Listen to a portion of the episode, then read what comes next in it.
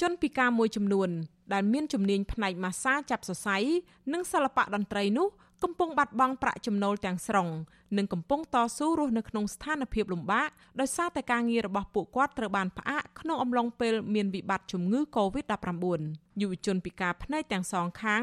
និងជាប្រធានក្រុមតន្ត្រីបុរាណកេលោកវិនវិចិត្ររៀបរាប់ថា ជនពិការភ្នែកប្រមាណ80ទៅ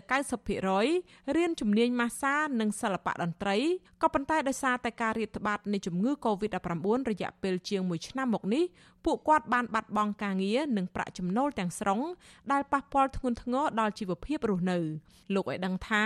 ជនពិការមួយចំនួនត្រូវរស់នៅតាមយថាកម្មនិងខ្លះវិលត្រឡប់ទៅរស់នៅស្រុកកំណើតតាមជនបទវិញដោយសារតែគ្មានលទ្ធភាពទិញម្ហូបអាហារនិងជួលថ្លៃបន្ទប់ស្នាក់នៅក្នុងទីក្រុងយុវជនវិនវិចិត្រ បន្តថាចំពោះការជួយឧបត្ថម្ភសាច់ប្រាក់របស់រដ្ឋាភិបាលកន្លងមក នៅមិនទាន់គ្រប់គ្រាន់និងមិនទាន់បានដល់ដៃជនពិការគ្រប់គ្នានោះទេទីមួយចង់ឲ្យរដ្ឋាភិបាលគាត់ដោះស្រាយជួយទៅដល់រឿងសុខភាពបានន័យថាទាំងជំងឺទាំងអីហ្នឹងអាចសម្រួលទៅដល់ជនដែលមានពិការភាពទីពីរគឺតកតងជាមួយនឹងអាហារហូបចុកប្រចាំថ្ងៃតកតងជាមួយនឹងការរស់នៅអញ្ចឹងសម្រាប់អ្នកពិការដែលគាត់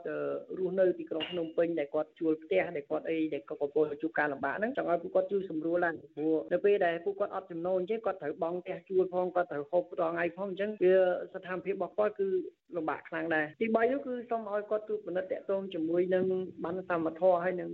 ប្រាក់ឧបត្ថម្ភកូវីដនឹងថាតើបានទៅដល់ជនដែលមានពិការគ្រប់គ្នានៅព្រោះមានអ្នកពិការខ្លះក៏គាត់អត់ទាន់ទទួលបានដែរស្រដៀងគ្នានេះជនពិការភ្នែកដែលជាអ្នកលេងភ្លេងពិនពាតគឺលោកខ្លែងវ៉ាន់ឌីថ្លែងថាចាប់តាំងពីជំងឺ Covid-19 ផ្ទុះមកលោកបាត់បង់ប្រាក់ចំណូលទាំងស្រុងហើយលោកមិនដែលទទួលបានស្បៀងអាហារនិងប្រាក់ឧបត្ថម្ភពីរដ្ឋាភិបាលនោះទេយុវជនពិការភ្នែករូបនេះបន្តថាលោកមិនអាចរកការងារអ្វីផ្សេងបានទេដូច្នេះលោករស់នៅក្នុងបន្ទប់ជួលជាមួយមិត្តភ័ក្តិនិងកំពុងខ្វះលទ្ធភាពចំណាយលើតម្រូវការជាមូលដ្ឋានរបស់ខ្លួនដូចជាអាហារថ្លៃទឹកឱសថ និងការទទួលបានសេវាថែទាំសុខភាពជាដើមតើតើធំគឺចំណូលបាត់បង់ទាំងស្រុងព្រោះខ្ញុំជាអ្នកពិការមូលហេតុទី1គឺការរើសអើងពីសង្គមត្រាប់ទៅហើយឧទាហរណ៍ដូចជាលេងប្រពៃនេះគឺគេអត់ទទួលស្គាល់ក្នុងការយកជនពិការទៅលេងលេងទេហ្នឹងគឺជាធ្វើឲ្យបាត់ចំណូលមួយផ្នែកហើយនៅសល់តែវងភ្លេងពិនពៀតគឺអាចចូលប្រគំជាមួយនឹងអ្នកមិនពិការបានប៉ុន្តែដល់មានកូវីដទៀតធ្វើឲ្យយើងអត់មានកម្មវិធីបុណ្យផ្សេងៗធ្វើឲ្យយើងបាត់បង់ចំណូលទាំងស្រុងអត់ដែលមានទទួលបានអាចជ្រុំជ្រែងអីអាហារឧបត្ថម្ភអីគឺខ្ញុំអត់ដែលទទួលបានផងទទួលបានដូចខ្ញុំរៀបរាប់ខាងលើអញ្ចឹងមានតែការជួយពីអង្គការសុខាថ្មីនោះម្ដងហើយនឹងបងប្អូនជាពលរដ្ឋយើងធម្មតាដែលខ្លះទៅគាត់ធ្លាប់ស្គាល់គាត់ធ្លាប់អីទៅគាត់ជួយទៅហើយនឹងចាយវាយលើលុយដែលខ្ញុំសំទុកជនពិការផ្នែកមួយរូបទៀតដែលមានជំនាញផ្នែកម៉ាស្សាចាប់សរសៃលោកវែងឌៀនថ្លែងថាលោកបានបង្ខំចិត្តនាំប្រពន្ធនិងកូនតូចចាក់ចេញពីភ្នំពេញទៅរស់នៅស្រុកកំណើតក្នុងខេត្តកំពតបណ្ដោះអាសន្នដោយសារតែការងារម៉ាស្សាត្រូវបានផ្អាកមួយរយៈលោកថាបញ្ហានេះធ្វើឲ្យលោកគ្មានប្រាក់ចំណូលសម្រាប់ទិញម្ហូបអាហារនិងជួលថ្លៃបន្ទប់ស្នាក់នៅក្នុងទីក្រុងភ្នំពេញ។ តកតងធំគឺចំណូលបាត់បង់ទាំងស្រុងព្រោះខ្ញុំជាអ្នកពិការមូលហេតុទី1គឺការរើសអើងពីសង្គមស្រាប់ទៅហើយឧទាហរណ៍ដូចជាលេងប្រពៃនេះគឺគេអត់ទទួលស្គាល់ក្នុងការយកជនពិការទៅលេងលេងទេហ្នឹងគឺជាធ្វើឲ្យបាត់ចំណូលមួយផ្នែកហើយនៅសល់តែវងភ្លេងពិនពៀតគឺអាចចូលប្រគំជាមួយនឹងអ្នកមិនពិការបានប៉ុន្តែដល់មានកូវីដទៀតធ្វើឲ្យយើងអត់មានកម្មវិធីបុណ្យផ្សេងៗធ្វើឲ្យយើងបាត់បង់ចំណូលទាំងស្រុងអត់ដែលមានទទួលបានអាចជ្រុំជ្រែងអីអាហារឧបត្ថម្ភអីគឺខ្ញុំអត់ដែលទទួលបានផងទទួលបានដូចខ្ញុំរៀបរាប់ខាងលើអញ្ចឹងមានតែការជួយពីអង្គការសុខាថ្មីនោះម្ដងហើយនឹងបងប្អូនជាពលរដ្ឋយើងធម្មតាដែលខ្លះទៅគាត់ធ្លាប់ស្គាល់គាត់ធ្លាប់អីទៅគាត់ជួយទៅហើយនឹងចាយវាយលើលុយដែលខ្ញុំ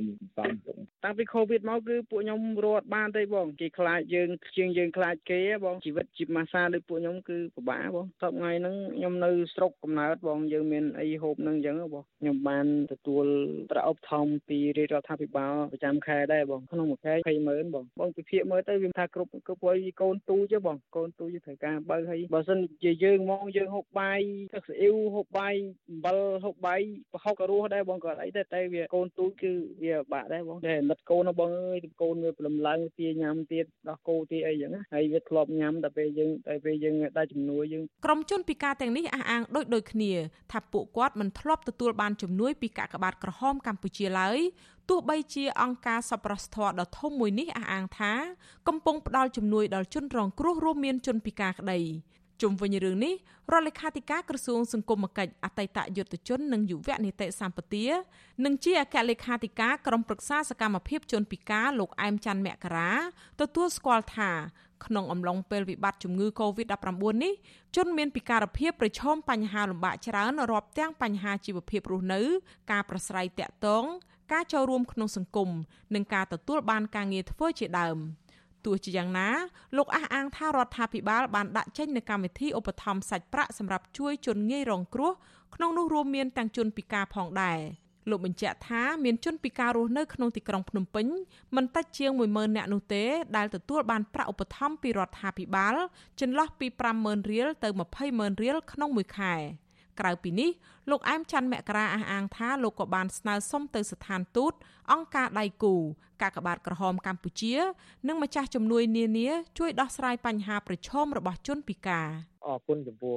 ការផ្ដល់ព័ត៌មានរបស់បងប្អូនដែលមានពិការភាពអំពីភាពខ្វះខាតមកដល់យើងខ្ញុំបានដឹងហើយយើងខ្ញុំសូមសំណូមពរឲ្យបងប្អូនដែលមានពិការភាពទាំងអស់ដែលនៅមិនទាន់បានទទួលនៅប្រាក់របបនយោបាយពីរាជរដ្ឋាភិបាលនេះសូមឲ្យពួកគាត់មកចុះឈ្មោះឬមួយក៏ជូនដំណឹងមកក្រសួងសង្គមគិច្ចអតីតយុវជននិងយុវនីតិសម្បទាដើម្បីក្រុមការងារយើងខ្ញុំអាចចុះចូលទៅក្នុងប្រព័ន្ធហើយធ្វើការឧបត្ថម្ភពួកគាត់ឲ្យទទួលសាច់ប្រាក់ដោយជនងាយរងគ្រោះផ្សេងផ្សេងទី2យើងខ្ញុំសូមសំណូមពរអំពាវនាវដល់បងប្អូនដែលមានពិការភាពនេះសូមមេត្តាយោគយល់នៅក្នុងកលៈទេសៈនៃបញ្ហាជំងឺ Covid-19 នេះមន្ត្រីជាន់ខ្ពស់ក្រសួងសង្គមគិច្ចរូបនេះឲ្យដឹងថាស្ថិតិជនមានពិការភាពនៅក្នុងប្រទេសកម្ពុជា មានជាង5សែននាក់ដោយរាប់បញ្ចូលទាំងកុមារអាយុ1ឆ្នាំ លោកបញ្ជាក់ថាក្នុងចំណោមជនពិការទាំង5សែននាក់នេះមានអ្នកធ្វើការងារតាមក្រសួងស្ថាប័នរដ្ឋប្រមាណ4000នាក់អ្នកធ្វើការនៅតាមក្រុមហ៊ុនឯកជន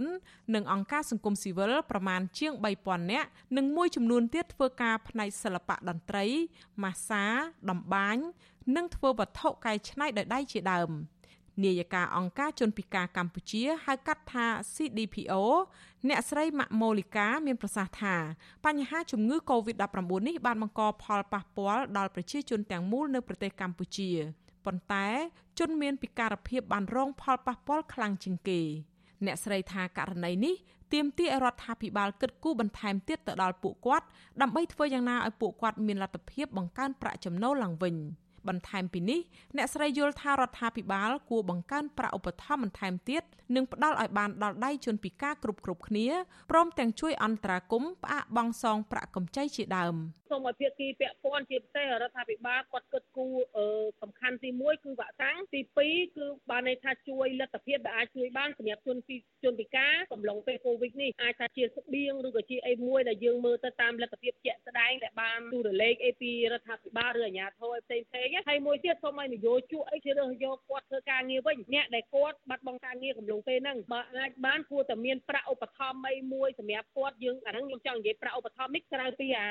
ប្រាក់ឧបត្ថម្ភសាច់ប្រាក់ជនពិការមួយចំនួនត្អូញត្អែថាដោយសារតែការជួយឧបត្ថម្ភរបស់រដ្ឋាភិបាលនៅមានកម្រិតតិចតួចនៅឡើយនោះធ្វើឲ្យជនពិការខ្លះនៅតែបង្ខំចិត្តដើរច្រៀងនិងលេងឧបករណ៍ភ្លេងតាមទីសាធារណៈដើម្បីសុំប្រាក់ពីសប្បុរសជនដោះស្រាយជីវភាពមួយគ្រាទោះបីជាប្រថុយប្រឋានជាមួយនឹងជំងឺ Covid-19 ក្តី